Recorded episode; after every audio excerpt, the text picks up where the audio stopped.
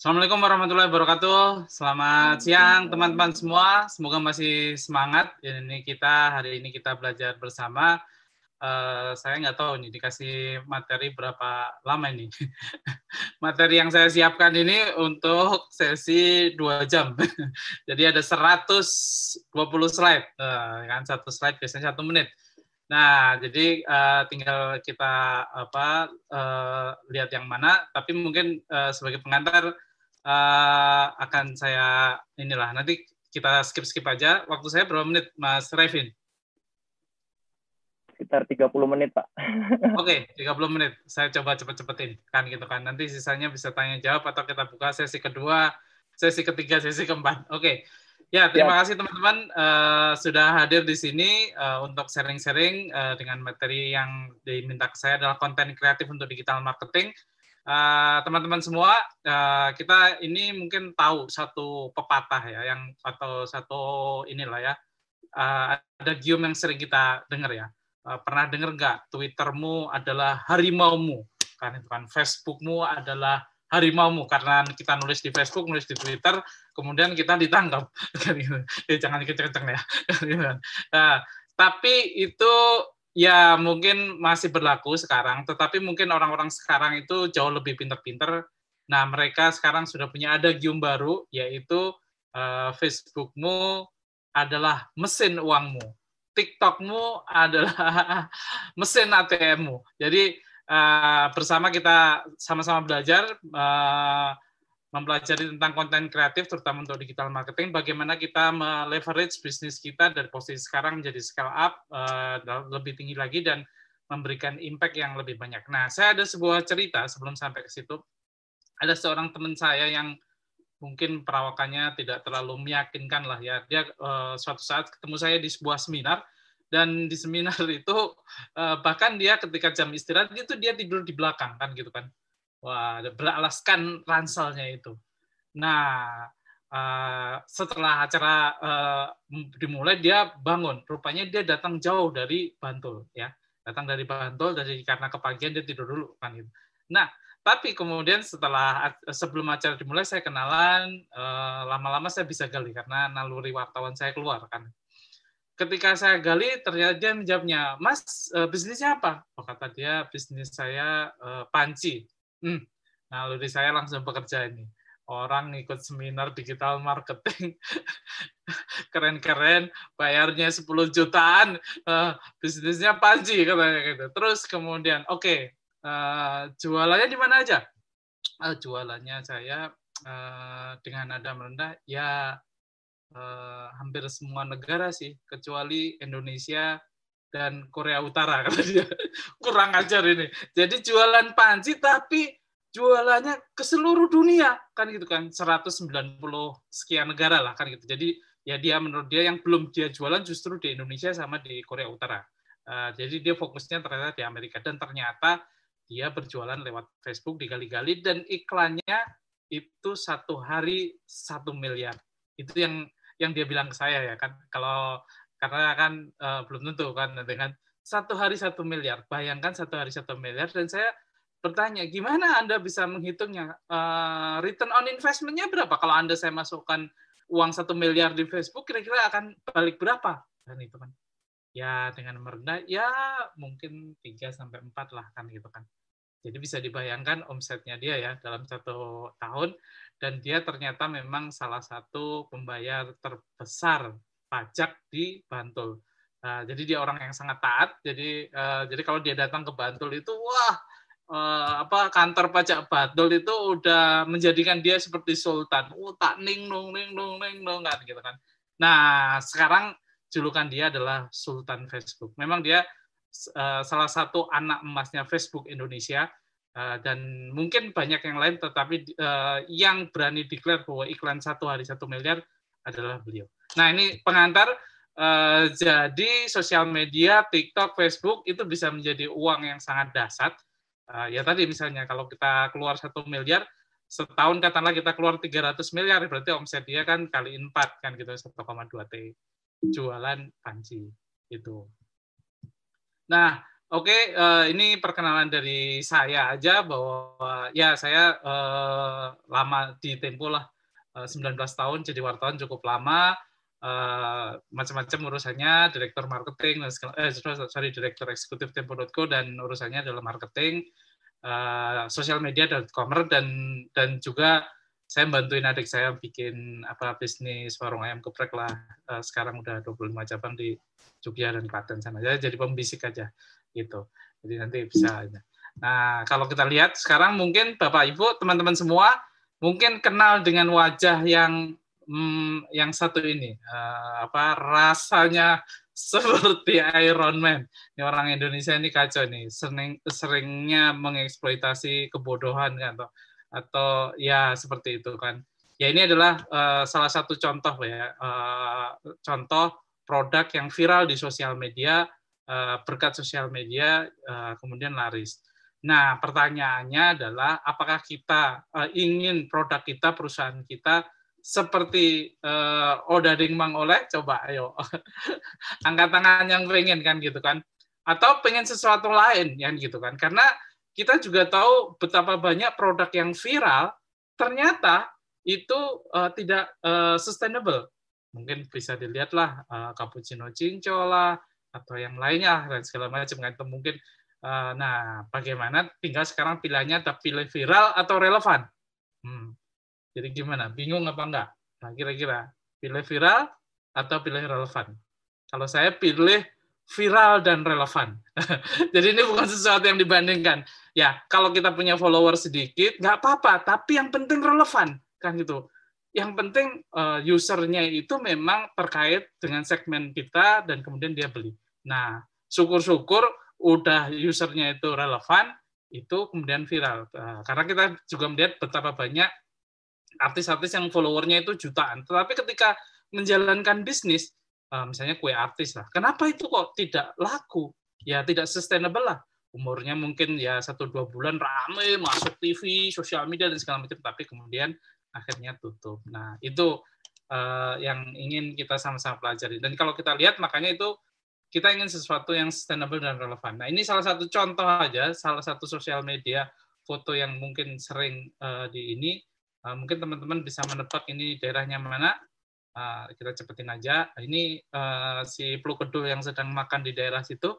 Kan ini salah satu hotel yang sangat favorit di Bandung, hotel bintang 5 yaitu Padma. Dan yang dia jual adalah sesuatu yang viral, yaitu foto-foto seputar Maribaya. Kan gitu. Jadi bagaimana sebuah hotel yang besar kemudian dia memanfaatkan itu sesuatu yang viral sehingga dia bisa membuat bisnisnya sustainable kan gitu. Jadi memang pemandangannya bagus, Instagramnya dikelola dengan bagus, Facebooknya bagus. Nah kalau zaman sekarang, ya konten is the new currency kan itu. Jadi kalau kita melupakan konten, maka eh, ya kita akan ditinggalkan zaman kan. Apalagi sekarang udah zamannya TikTok dan segala macam. Dan kalau kita lihat, memang prioritas UKM sekarang kan menggunakan apa ya teknologi digital, sosial media, terutama itu adalah untuk uh, penjualan. Apakah itu uh, produknya secara langsung atau baik membangun brand awareness atau ya tadi uh, produk-produknya itu dipasarkan lewat channel-channel di situ. Jadi kita bisa melihat sudah banyak teman teman-teman UKM yang maju dengan sosial media. Contoh misalnya di Purwokerto itu ada salah satu sahabat saya yang jualan bumbu ireng ya, jadi bumbu botolan, ya gitu kan bumbu botolan biasa kan rasanya ya seperti kayak bumbunya apa bebek dari Madura lah kan seperti itu. Tapi dipasarkan lewat sosial media, dipasarkan lewat uh, apa jaringan reseller di bulan puasa kemarin penjualannya tembus 100 ribu. Nah, jadi itu salah satu ini. Ini kita skip aja. Nah, kalau kita lihat memang pengguna sosial media di Indonesia cukup banyak. Ada Facebooknya 183 juta, Instagramnya 73 juta dan yang sekarang sangat powerful banget teman-teman mesti harus segera masuk dan terjun di situ adalah TikTok. Growth-nya gila tinggi banget. Tempo.co saya kebetulan menggawangi ya salah satu orang di balik layar akun-akun sosial media Tempo.co lah. Kita punya 9 juta follower lah ya. Facebook, Twitter, Line, YouTube. Nah, salah satu pertanyaan penting saya adalah TikTok. Bagaimana tempo media seserius itu masuk ke TikTok yang joget-joget itu? Tapi kita bisa kan gitu. Tetap kita serius masuk dan dalam tiga bulan kita bisa mendapatkan uh, follower sampai 100 ribu itu tentu ada teknik-tekniknya dan kalau kita tahu seperti odading mengoleh dan segala macam eh, sekarang ini zamannya zaman uh, word of mouth ya uh, jadi bagaimana produk itu bisa viral karena di Uh, kalau istilah Jawanya adalah ketak tular diceritakan dari mulut ke mulut. Ini kenapa dari mulut ke mulut ya? Mestinya dari mulut ke kuping ya. Karena itu kan dari mulut ke kuping sehingga itu dan viral. Dan beberapa produk atau perusahaan UKM yang berhasil uh, melakukan apa memanfaatkan keviralan itu maka dia bisa mengkonversinya menjadi return on investment. Jadi Uh, setelah dia mendapatkan sesuatu yang viral, yaitu kemudian dia dapatkan brand awareness, uh, user itu kemudian tertarik, interest, dan kemudian pengen beli dan akhirnya beli beneran. Dan, nah, nah seperti kayak udah oleh, mungkin sekarang antrinya uh, panjang, tapi nggak tahu sampai kapan. Nah, tapi itu sebuah brand itu adalah sebuah keseluruhan experience. Jadi bukan semata-mata orang, oh, uh, Odaring mau oleh, namanya sih terkenal, tapi kalau rasanya jeblok gimana? Kalau antriannya dua jam, orang masih mau beli nggak? Ya, mungkin enggak kan gitu kan. Jadi seperti itu. Jadi nah jadi dengan uh, tentu uh, ini adalah rumus uh, umum lah dari word of mouth sampai orang melakukan action. Jadi bisa sampai action itu bisa sampai 90% itu suatu sebuah angka yang cukup tinggi nah jadi rata-rata perusahaan UKM brand atau segala macam yang uh, bisa tumbuh dua setengah kali dari kategorinya kalau dia menjadi viral atau diviralkan. Jadi sekarang kita bisa paham yaitu tadi kenapa TikTokmu itu adalah mesin uangmu, Facebookmu mesin uangmu seperti yang dilakukan hmm. oleh teman saya yang dari Bantul tadi itu. Karena orang di sosial media ini uh, sekarang zamannya itu adalah ya people don't buy your product kan gitu kan. Jadi people itu uh, pengen hubungan relasinya dengan produknya. Jadi kenapa misalnya Starbucks kalau uh, kita minta ditulisin nama itu sering namanya disalah-salahin kan. Burhan disalahin jadi apalah Budi jadi apa segala macam. Tujuannya sebenarnya uh, sederhana. Supaya kita gatal terus kemudian kita memfoto kemudian kita memposting di sosial media. Kalau benar malah uh, nggak biar uh, dibiarin. Jadi kita mau ada relasi ada hubungan stories dan magic. Jadi kita datang ke Starbucks misalnya bukan semata-mata karena kita beli kopi, beli apalah, beli suasananya dan segala macam, tapi lebih dari itu kita pengen storiesnya, kita pengen magicnya kan seperti itu. Ah ini video tapi nanti kita skip aja uh, karena terlalu lama, akan terlalu lama. Oke, okay. kalau kita lihat sekarang uh, ya uh, kopi tuku mungkin teman-teman uh, semua sudah tahu lah ya berasal dari ini kebetulan satu alumni di Prasetya Mulia dia kebetulan si S1 saya S2-nya.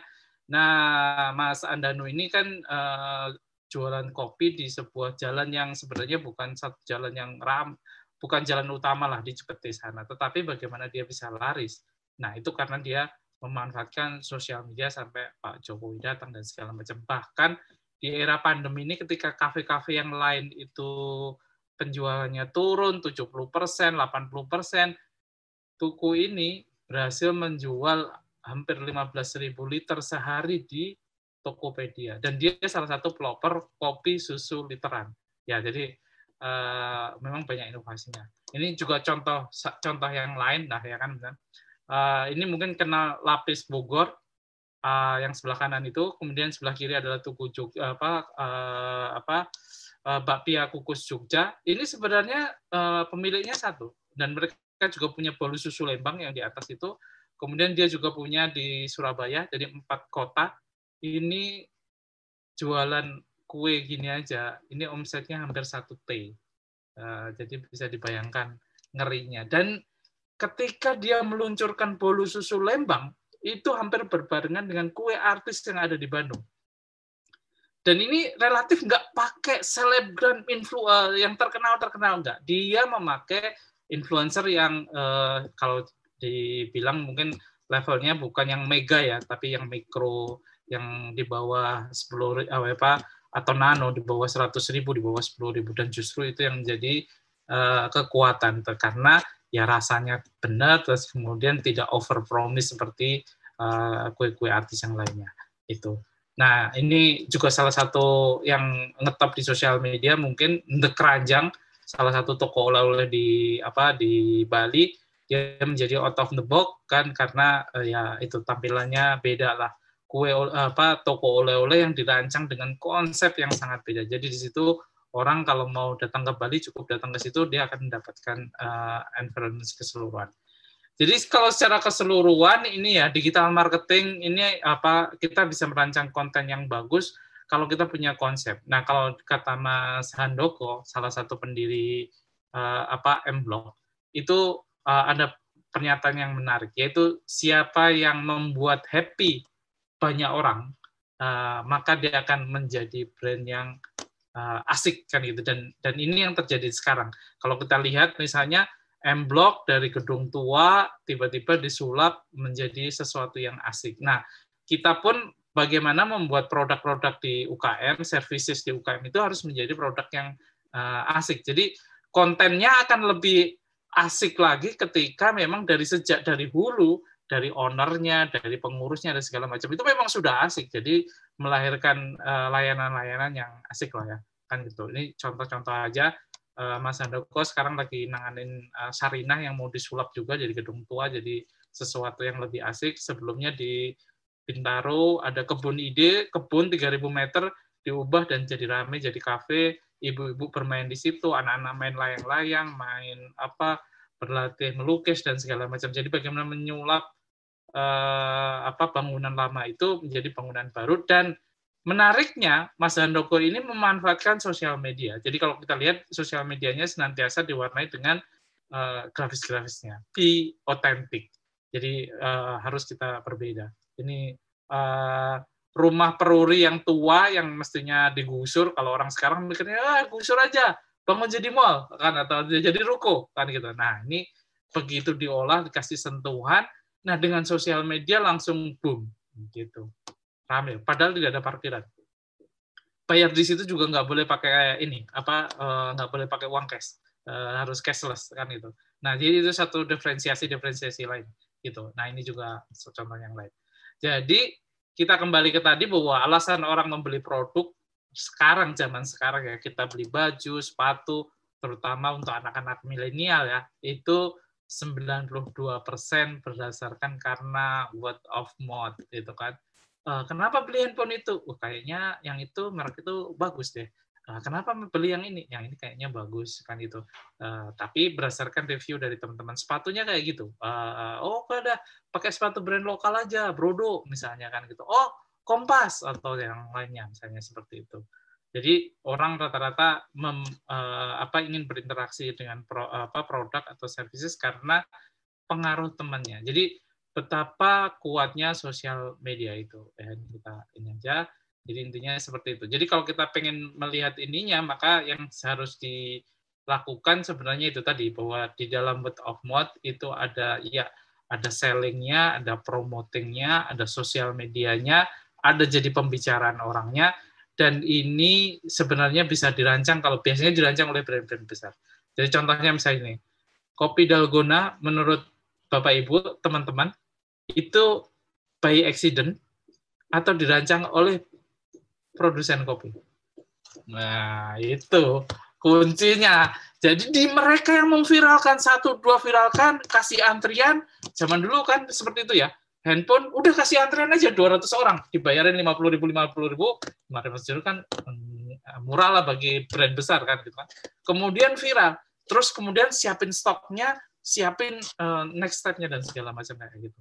Nah, bagi UKM tentu uh, bisa uh, cara ini memang beberapa dilakukan. Nanti ada teknik-tekniknya yang lain sih sebenarnya.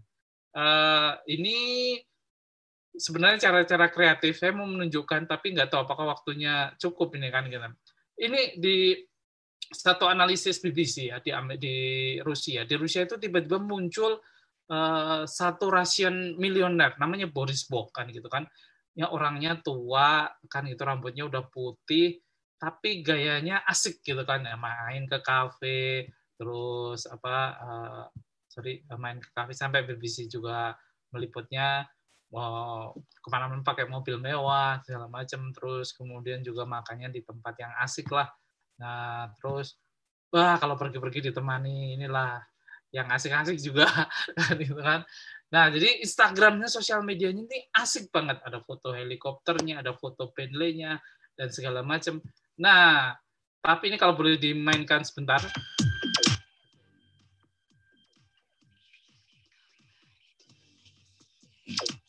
Ini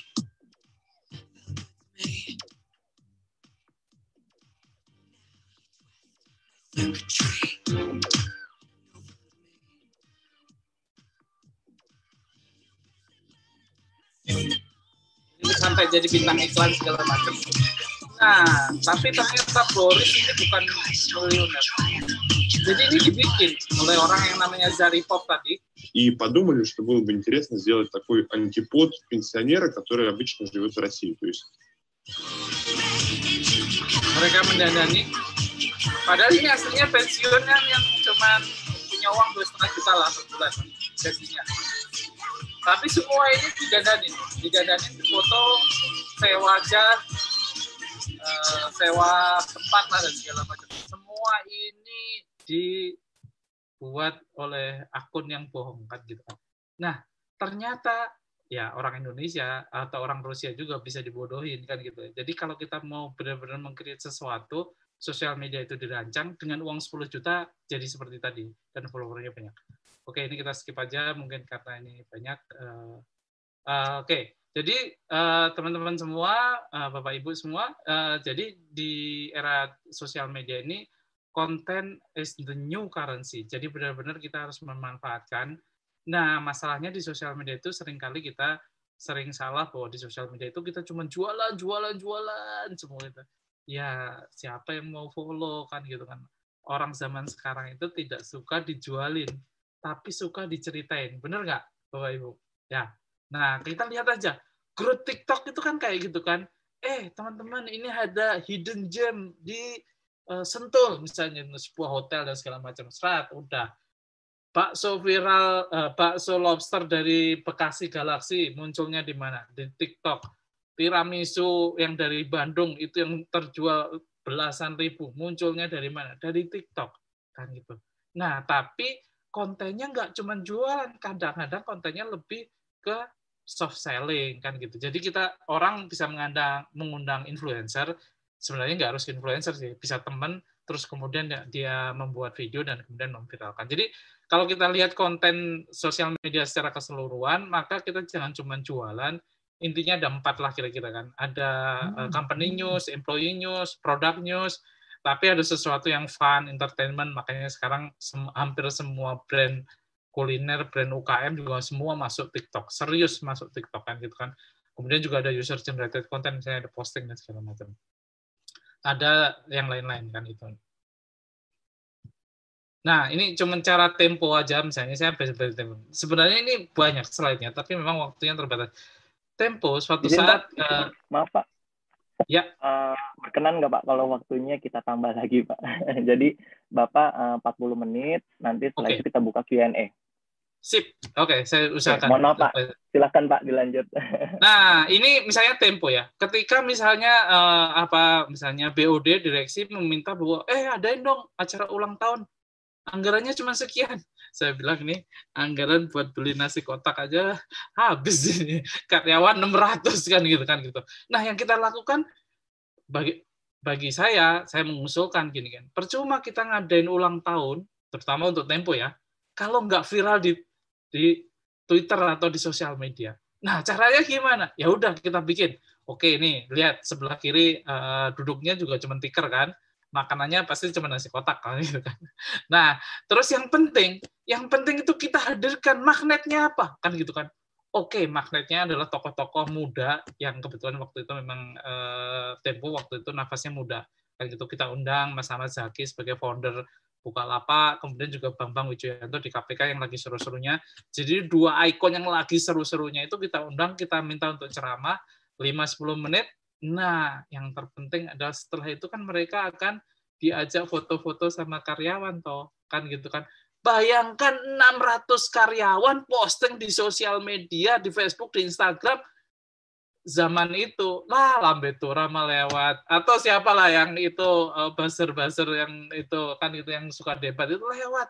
Kita masuk di trending topik kan gitu. Itu lihat nomor satu Indonesian trennya tempo 45 tahun. Nah jadi kita memang harus menggunakan cara-cara kreatif kan gitu. Tentu apa yang dilakukan Tempo belum tentu bisa dilakukan yang lain. Tapi kita memang bisa menggunakan memanfaatkan. Kita punya karyawan 600 ngapain ini orang 600 suruh nganggur aja makan snack kan makan mendingan disuruh posting kan gitu kan. Tentu kita harus kasih konten yang bagus. Nah itu contoh aja. Ini uh, kita lewatin aja nih bagaimana uh, apa sosial media.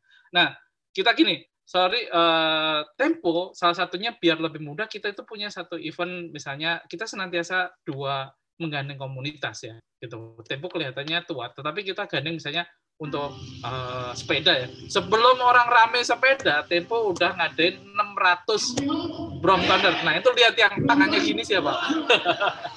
gitu kan. Nah, ini bagian dari untuk memudahkan tempo kan gitu kan. Tentu untuk. Nah, samping itu kita juga bikin uh, komunitas namanya ngopi di kantor kan.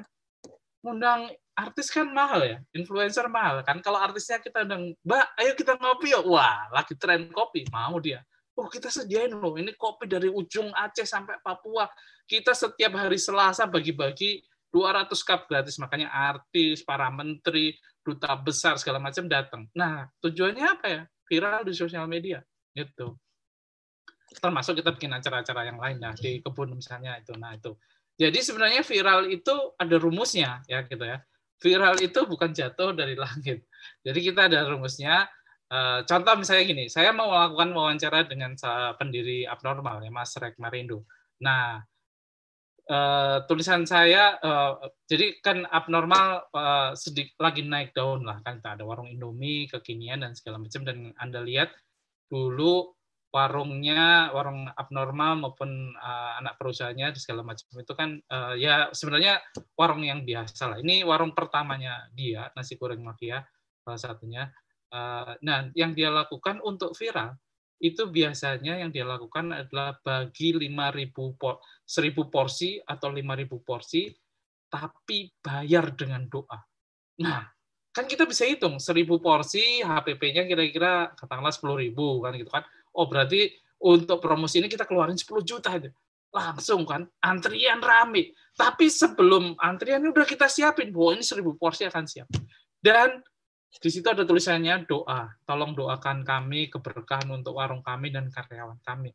Masa dari seribu orang itu doanya tidak ada yang dikabulkan? Nah ini satu kunciannya lagi kan gitu loh. Jadi udah viral di sosial media, ah, didoain pula kan gitu. Maka ya abnormal makin tinggi. Nah tapi itu sekarang mungkin sudah ditiru banyak orang, nah tentu mesti harus yang lain. Ini misalnya abnormal pertama seperti ini nggak punya mesin. Oh, ya kalau sekarang mas saya itu modalnya terbatas. Ini abnormal pertama seperti ini, jualan kopi dan indomie roti itu kan, nggak ada mesinnya kan itu. Ya seadanya, tapi viral kan gitu kan.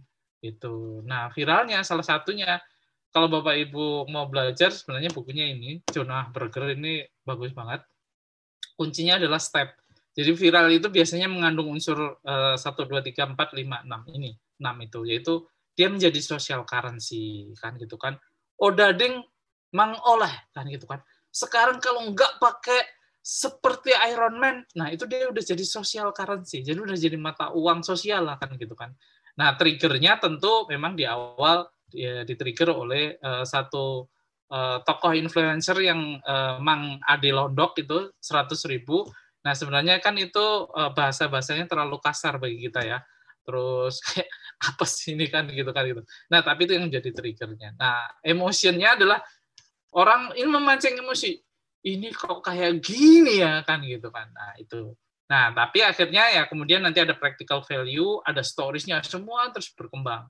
Jadi kalau kita lihat misalnya ada rodok viral, eh, odading viral dan segala macam, salah satu rumusnya itu adalah ini. Nah, ini ini tulisan uh, dua tahun lalu itu dibaca kalau anda lihat di atas itu angkanya lima ribu, uh, sorry lima puluh empat ribu sekarang lebih di atas ribu ya. Jadi saya ngobrol dengan Mas Rek, kemudian saya tulis saya nggak nulis itu di tempo.co sengaja. Oke, saya mau eksperimen. Saya tulis itu di blog.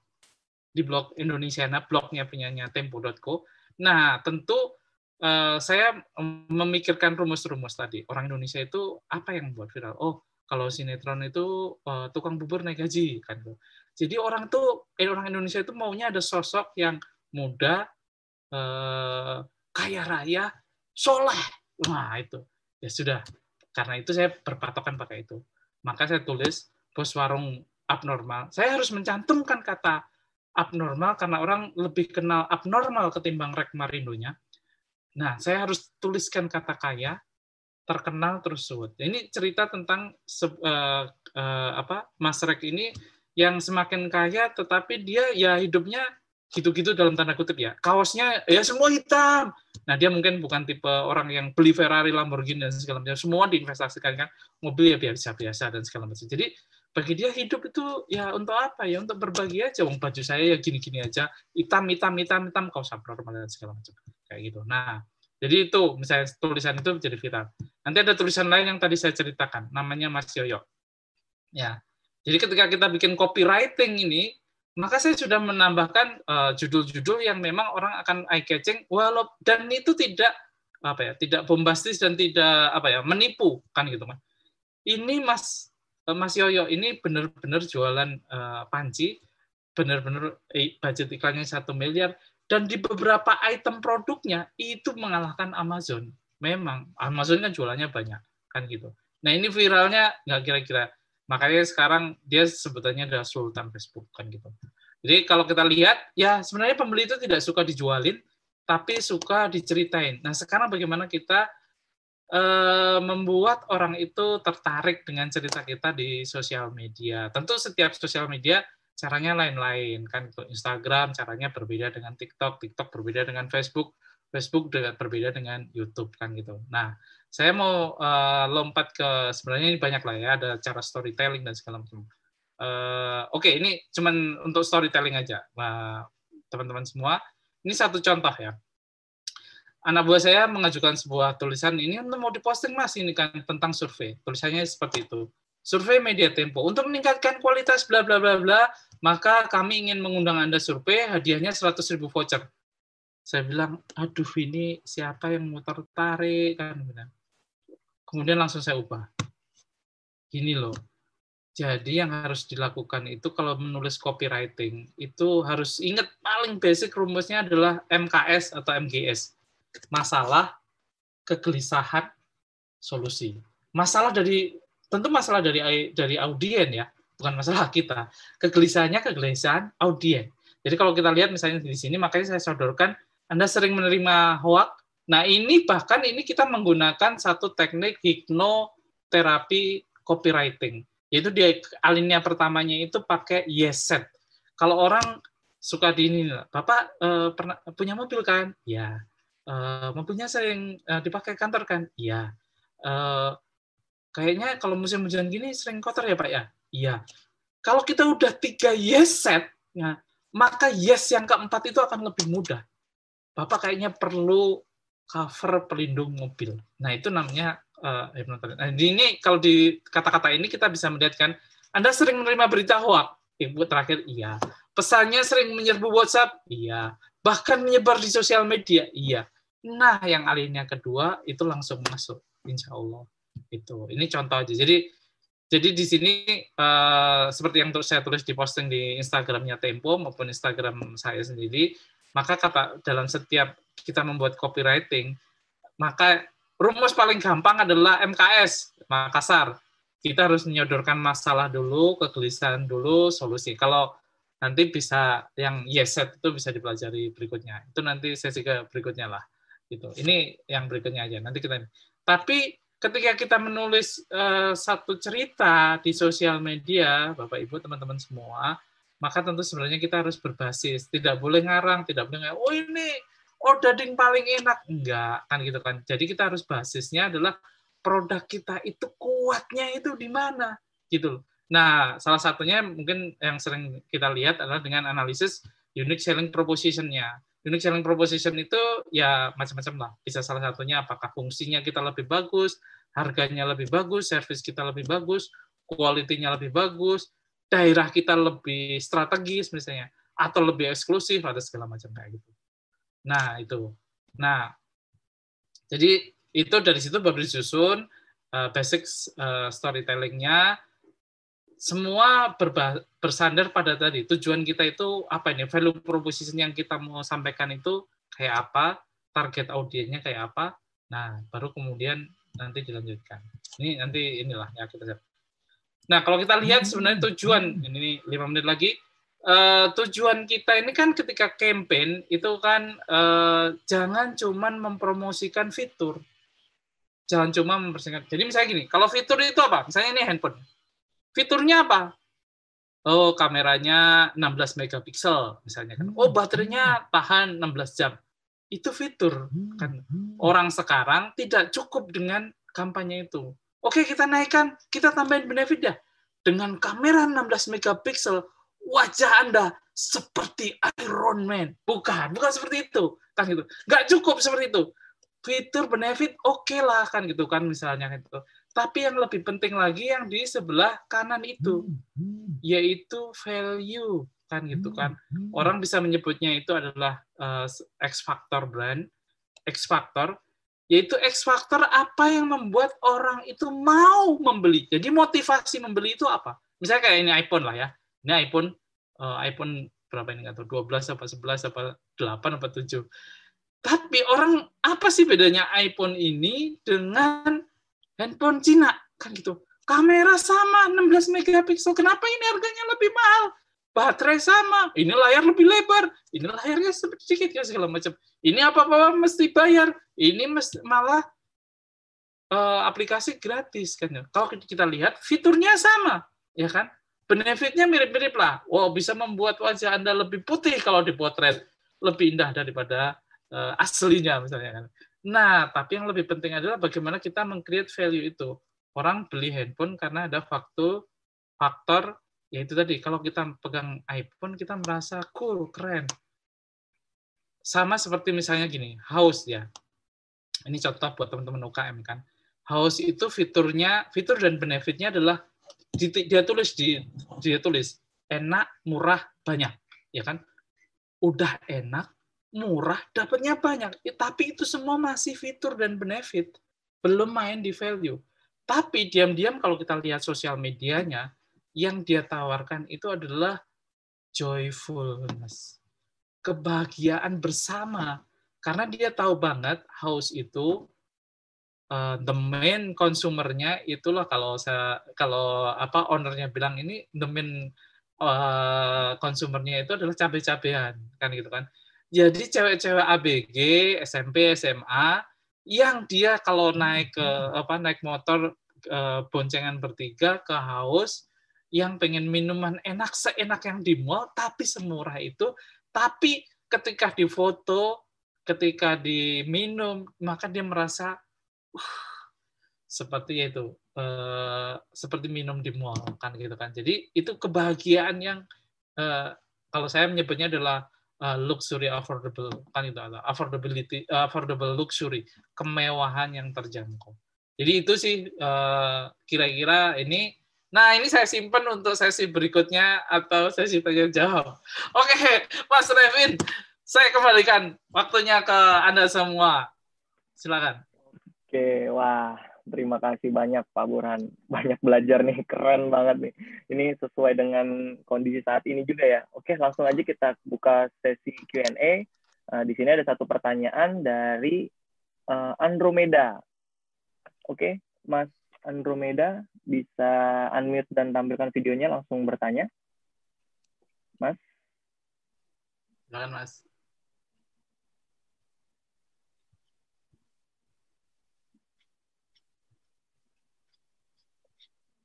Oke. Langsung aja deh saya bahas deh.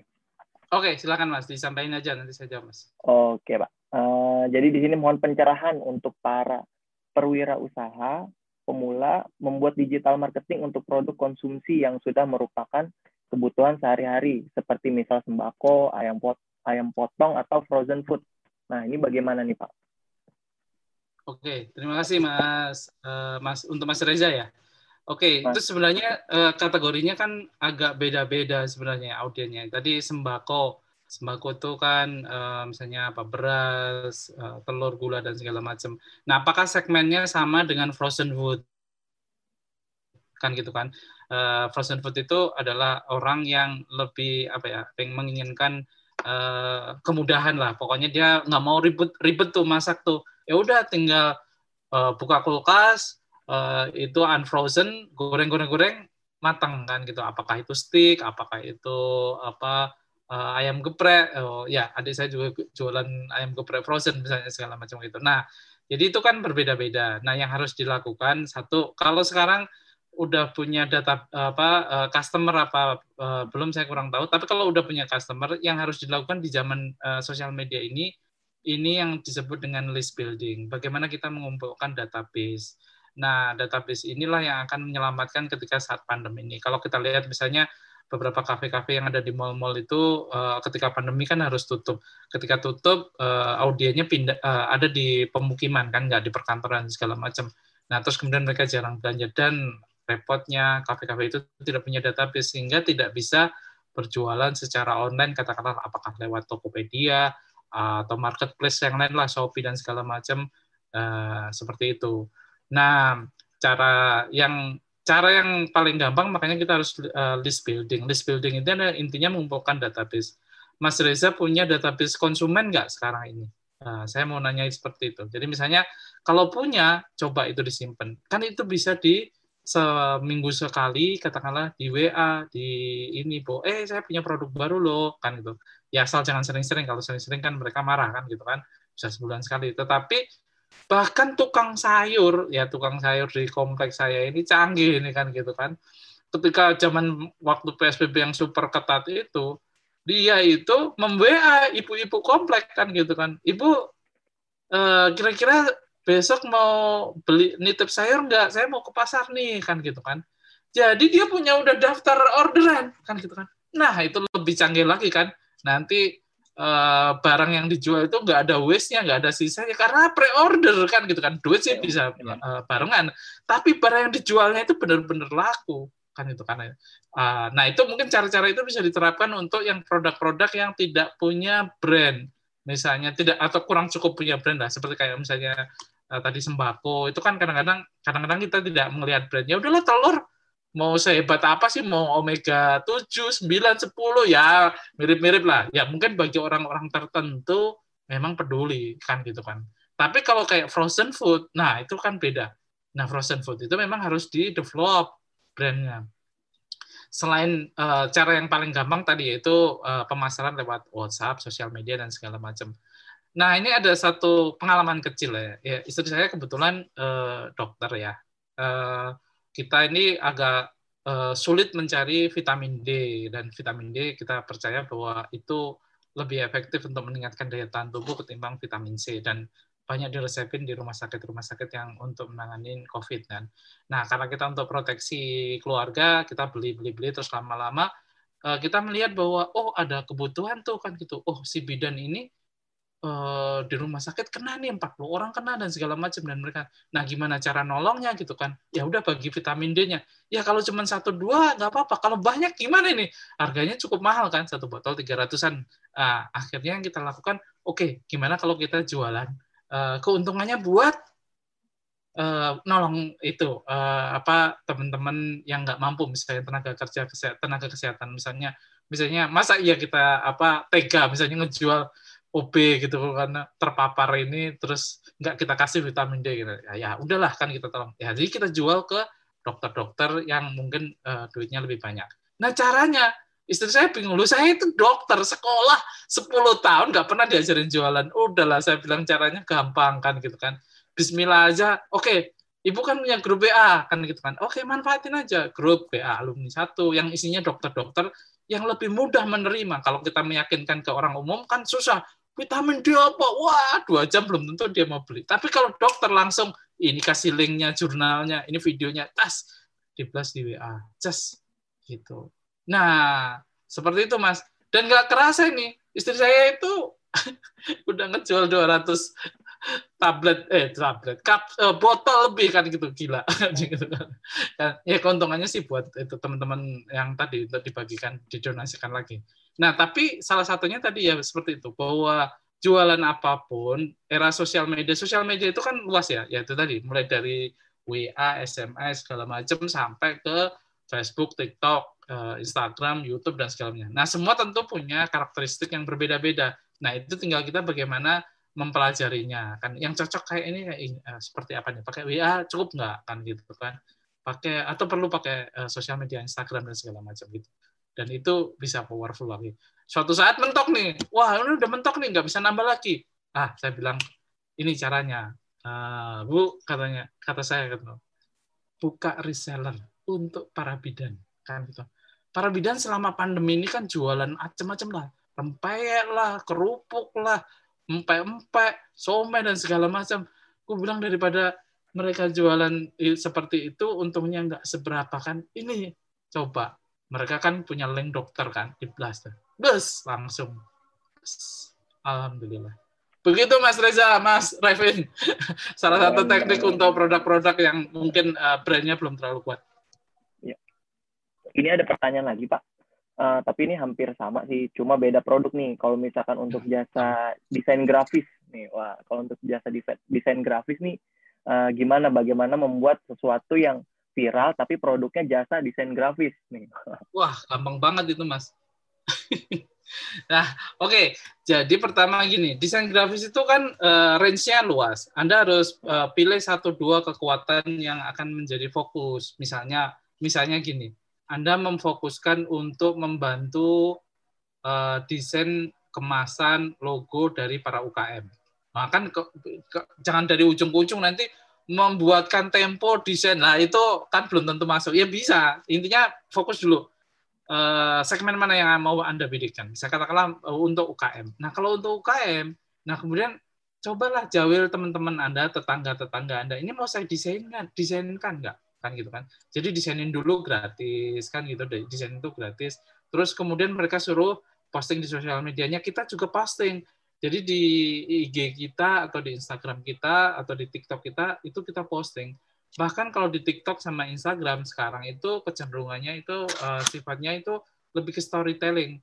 Jadi kita bercerita nih kita kasih tip nih ini loh cara meng, katakanlah menghilangkan apa remove background dari sebuah foto dengan gampang klik oke okay. pakai apa teknik apa? Oke okay, bisa pakai PowerPoint bisa pakai Canva bisa pakai remove.bg misalnya kayak gitu. Nah jadi setiap hari kita sharing-sharing terus sharing-sharing terus. Nah baru kemudian ujungnya selling. Ibarat petinju nih uh, Bapak Ibu teman-teman semua.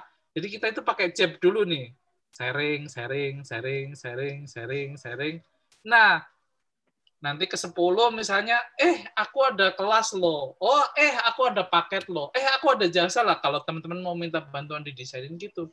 Tapi kita harus memicu ketertarikan orang itu untuk belajar dulu kan gitu kan. Karena begitu sudah kan tugas sosial media ini kan bagaimana mengubah apa cold customer. Jadi eh, customer yang masih dingin ini, masih beku, masih frozen, nggak bisa tiba-tiba kita kasih jualan eh jualan itu ibaratnya kalau saya ketemu cewek misalnya ini terus kemudian saya tarik tangannya terus bilang yuk kita ke penghulu ya saya ditabokin ini cewek nggak kenal sama saya saya ajak ke penghulu ya pasti tabokin coba oh cewek ini waduh. Saya stalking dulu sosial media oh sukanya apa? Oh sukanya minuman kekinian. Terus kita nyari waktu untuk uh, pura-pura tabrakan di dekat musola misalnya. Oh ya ketemu kenalan ketemu uh, sosial medianya apa di itu kemudian PDKT PDKT PDKT sampai akhirnya itu dia warm oh Mas Burhan itu uh gini kan gitu kan. Wah ketika udah warm tadi uh, maka kita bisa tawarkan uh, yuk nikah yuk kan gitu kan. Biar halal misalnya itu. Ini jangan sampai kedengeran istri saya nih. Nah intinya gitu. Sama juga dengan desain kan gitu kan. Nggak bisa tiba-tiba eh jual desain. Ya boleh-boleh aja kan gitu. Tapi pasti uh, yang order dikit tapi kalau anda udah kasih kelas gratis kasih trik gratis kemudian follower anda sepuluh ribu lima belas ribu dua puluh ribu nanti kan orang-orang yang memfollow Anda, eh saya kayaknya butuh desain nggak sempet nih. Saya udah punya desainer tapi nggak sempet. Eh Jabel itu aja. Nah, jadi mengubah yang customer yang frozen, yang dingin, menjadi warm, baru dijualin. Nah, intinya tadi sharing-sharing dulu, selling-selling kemudian. Gitu Mas, Revin. Oke, Pak. Ah, mantap, Pak. Ini juga kita lanjut nih pertanyaan berikutnya ada dari Pak Margo Ono. Oke, Pak Margo Ono bisa langsung menanyakan aja, Pak. Silakan. Ya, ini tentang ini Pak, eh, skala prioritas ya. Kalau kita mungkin sudah punya salah satu produk begitu, eh, untuk media sosialnya kan sekarang banyak ya Pak. Ada Facebook, IG, dan sebagainya. Itu kalau untuk tingkat kepentingannya dari urutan-urutan itu kira-kira prioritas yang lebih awal yang mana ya Pak? Untuk ini. Nah, oke. Okay. Skala prioritasnya nah, ini Produknya apa Mas Margono? Kalau misalnya kita di lembaga pendidikan, Pak, kayak semacam ya, lembaga kursus gitu, pendidikan gitu, kayak gitu. Lembaga pendidikan tuh konsumennya usia berapa, sekolah apa? Uh, tingkat SLTP sama SMA, Pak. SLTP sama SMA. SMA. Ya. Oke. Okay. Jadi kan sebenarnya gini, uh, pertama kan kita harus menganalisis kan gini ya antara apa konsumer sama buyer lah. Tadi kalau kalau tadi kan saya menyebutnya customer ya, customer secara keseluruhan. Tapi sebenarnya pada dasarnya itu kan ada dua ya. Kalau misalnya saya beli apa makanan kucing misalnya gitu kan, itu kan bayarnya saya, bener nggak? Bayarnya saya, eh, konsumernya siapa? Kucing. Nah, jadi kita harus pinter-pinter nih. Nah, tentu kalau kucing nggak bisa pakai sosial media, maksudnya nggak bisa kita in, pengaruhi dengan sosial media. Yang kita bisa pengaruhi adalah tuannya kan gitu kan itu. Nah, jadi demikian juga kalau lembaga pendidikan. Nah, kita juga harus ingat di situ ada dua ada dua apa ya segmen. Satu ya customer apa konsumernya itu kan anak-anak SMP kan gitu kan. Tapi decision making penentu sekolah itu si anak SMP atau orang tua. Mungkin ya beda-beda ya setiap keluarga ya. Ada yang 50-50, ada yang keluarganya yang apa orang tuanya dominan dan segala macam. Jadi itu maka pendekatannya ada beda. Nah, tapi untuk membidik orang anaknya sendiri, maka Anda harus menggunakan sosial media yang buat anak muda. Sosial anak muda, sosial media anak muda itu sekarang ya nomor satu TikTok. Itu nomor satu TikTok uh, YouTube boleh teman biasa bisa juga. Teman uh, mungkin uh, TikTok sama YouTube itu sebenarnya nggak bisa disebut sosial media tapi sebenarnya lebih ke distribution konten tapi oke okay, Anda harus kuatin di TikTok sama Instagram kalau untuk membidik anak mudanya. Instagram ya. Kalau untuk ibu-ibunya orang tuanya itu Facebook gitu. Tapi sekarang ibu-ibu juga banyak yang main TikTok kan gitu. Jadi bisa dua-duanya itu Nah, tinggal jadi eh, tiga itu. Kalau mau sekarang mau katakanlah ya untuk Facebooknya, untuk orang tuanya, atau grup WA dan segala macam kayak gitu. Jadi dua-duanya itu cara pendekatannya juga kontennya bisa beda kan gitu. Konten konten yang buat anak muda harus yang gaul, asik dan segala macam. Konten yang uh, buat orang tuanya harus yang edukatif kan gitu. Gitu Mas Markono. Nah, jadi nggak prioritasnya dibikin aja. Tapi kalau mau main TikTok, uh, sekarang growth-nya lagi gila tinggi-tinggi banget gitu. Jauh ya, lebih mudah jauh lebih mudah mencapai uh, mencari apa uh, followers 100 ribu di TikTok timbang di Instagram. Instagram aja sekarang udah berat. Facebook, Facebook ya ini yang saya kasih bocorannya. Yang paling susah naiknya itu sekarang tik, uh, Twitter. Uh, untuk untuk tempo ya misalnya pengalaman tempo ya Twitter itu udah berat lah karena isinya cuma debat mulu berantem mulu Facebook ada agak-agak, terus kemudian Instagram, Instagram masih kenceng, Instagram masih kenceng, tapi TikTok lebih kenceng. YouTube hati-hati, YouTube itu uh, kelihatannya mudah, tapi uh, apa mencari growth followernya itu agak susah karena uh, masyarakat kita udah didikte kalau mau nonton YouTube itu ya nonton yang drama, joget-joget atau us pokoknya yang bombastis semua gitu agak jarang yang inspiratif ya. Ya ada sih, teman rata-rata didominasi yang drama. Wah, gitu kan. Talkshow ya, talkshow yang drama. Itu Mas. Silakan. Mas Revin. Iya, masih. Oke, terima kasih uh, Pak Margono untuk pertanyaannya. Kemudian ini kayaknya sesi terakhir aja untuk Q&A. Uh, ini hampir sejenis sih. Uh, jadi bagi untuk namanya dari Asus. Asus nih. Oke, uh, bisa mau langsung bertanya? Bagaimana? Atau mau langsung saya jawab? Langsung. langsung saya jawab boleh ya? Oke, Oke, bagaimana Pak. cara bagaimana Hmm. cara meningkatkan branding sekolah supaya viral? Misalnya dengan cara menggunakan TikTok, namun kesan pendidikannya tidak berkurang. Oke, Eh, salam dari SMK Citra Medika Sragen. Nah, jadi ini misalnya gini, eh, saya juga sering ngikutin TikTok. Saya pengamat TikTok karena ya urus- ur- ur- urusan sosial media saya harus ngamatin kan. Tiba-tiba eh, lini masa saya itu eh, ada sekolah eh, apa ya? Bukan sekolah ya, kursus bahasa Inggris di Pare Kediri. Banyak banget kan gitu kan. Dan dia caranya ini satu orang aja, dia nggak bukan lembaga. Caranya adalah karena dia kursus bahasa Inggris, dia pertama ngasih tip dulu Eh, bagaimana ucapan-ucapan yang benar, yang simpel-simpel lah, yang sesuai dengan audiennya misalnya kan gitu.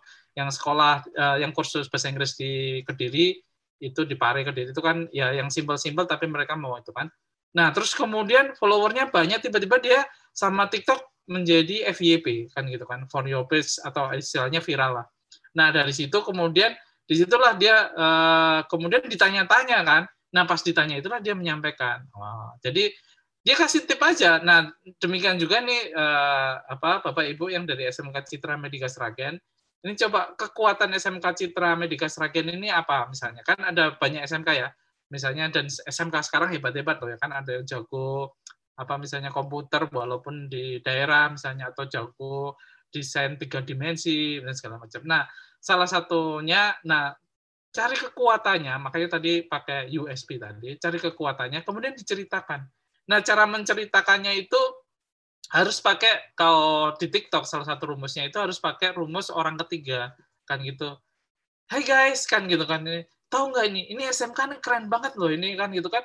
Lokasinya ada di tengah sawah tapi muridnya wih udah pemenang olimpiade misalnya semacam gitu. Wah dijamin banjir. Bayarin bu untuk copywriting gitu nah terus kalau boleh boleh saran lagi. Suara cewek lebih bagus dibandingkan suara cowok. Ya suara cowok kayak gini. Eh, karena saya juga ngamatin kan. Eh, tapi ada beberapa cow- cowok yang eh, keren lah. Misalnya yang eh, ya dia ngajarin masak ngajarin apa. Intinya ajarin sesuatu yang useful lah. Sesuatu yang useful sesuai dengan eh, audiennya. Nah sehingga mereka jadi misalnya kalau dia jago pertanian misalnya nggak tahu SMK ada pertanian apa enggak ya? Peternakan atau bisnis lah ya entrepreneur atau wirausaha kan pasti ada kan?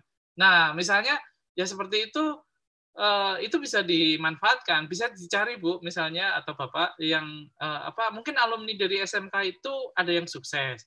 Nah diwawancarain dengan cara gitu Hai guys lihat tuh warung ini rame sekali kan gitu kan. Wah antriannya panjang makanannya enak dan segala macam nah kita tanya-tanya yuk. Loh bapak dulu sekolahnya apa? SMK kan gitu. Nah jadi jangan langsung daftarlah ke SMK kami. Ah rasanya ah, jangan seperti itu.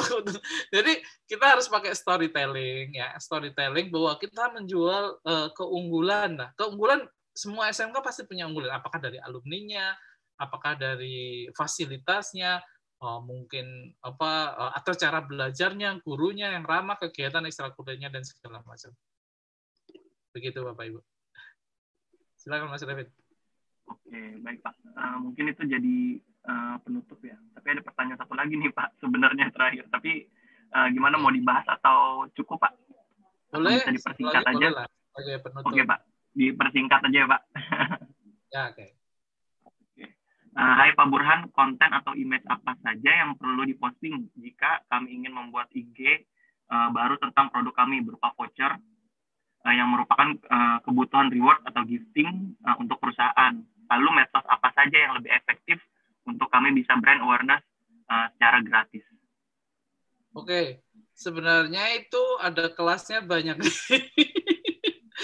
Ini kelas orang lain ya. Saya cuma kasih tunjuk aja. Kalau bapak ibu mau, boleh silakan. Kan itu kan sebenarnya ini kan setiap sosial media punya ilmu yang berbeda-beda. Ini uh, sekedar bocoran Bapak Ibu ya, karena saya kan di Tempo punya 9 juta follower dan senantiasa ditarget, ditarget untuk naik-naik gitu. Jadi pendekatan saya di TikTok akan berbeda dengan pendekatan saya di Instagram, berbeda dengan Facebook. Facebook itu cukup kita kasih link aja beres. Instagram harus kita olah. Instagram sekarang mungkin Bapak Ibu kenal yang namanya apalah karosel lah dan segala macam. Misalnya Instagram maka idealnya itu memang kita sehari itu harus update sekali dan update-nya itu harus sesuatu yang useful yang membuat orang itu nggak cuma di like. Jadi like itu oke, okay, tapi levelnya sekarang lebih dari like. Yang nge-save berapa? Itu. Nah, itu engagement tertingginya, yang nge-save.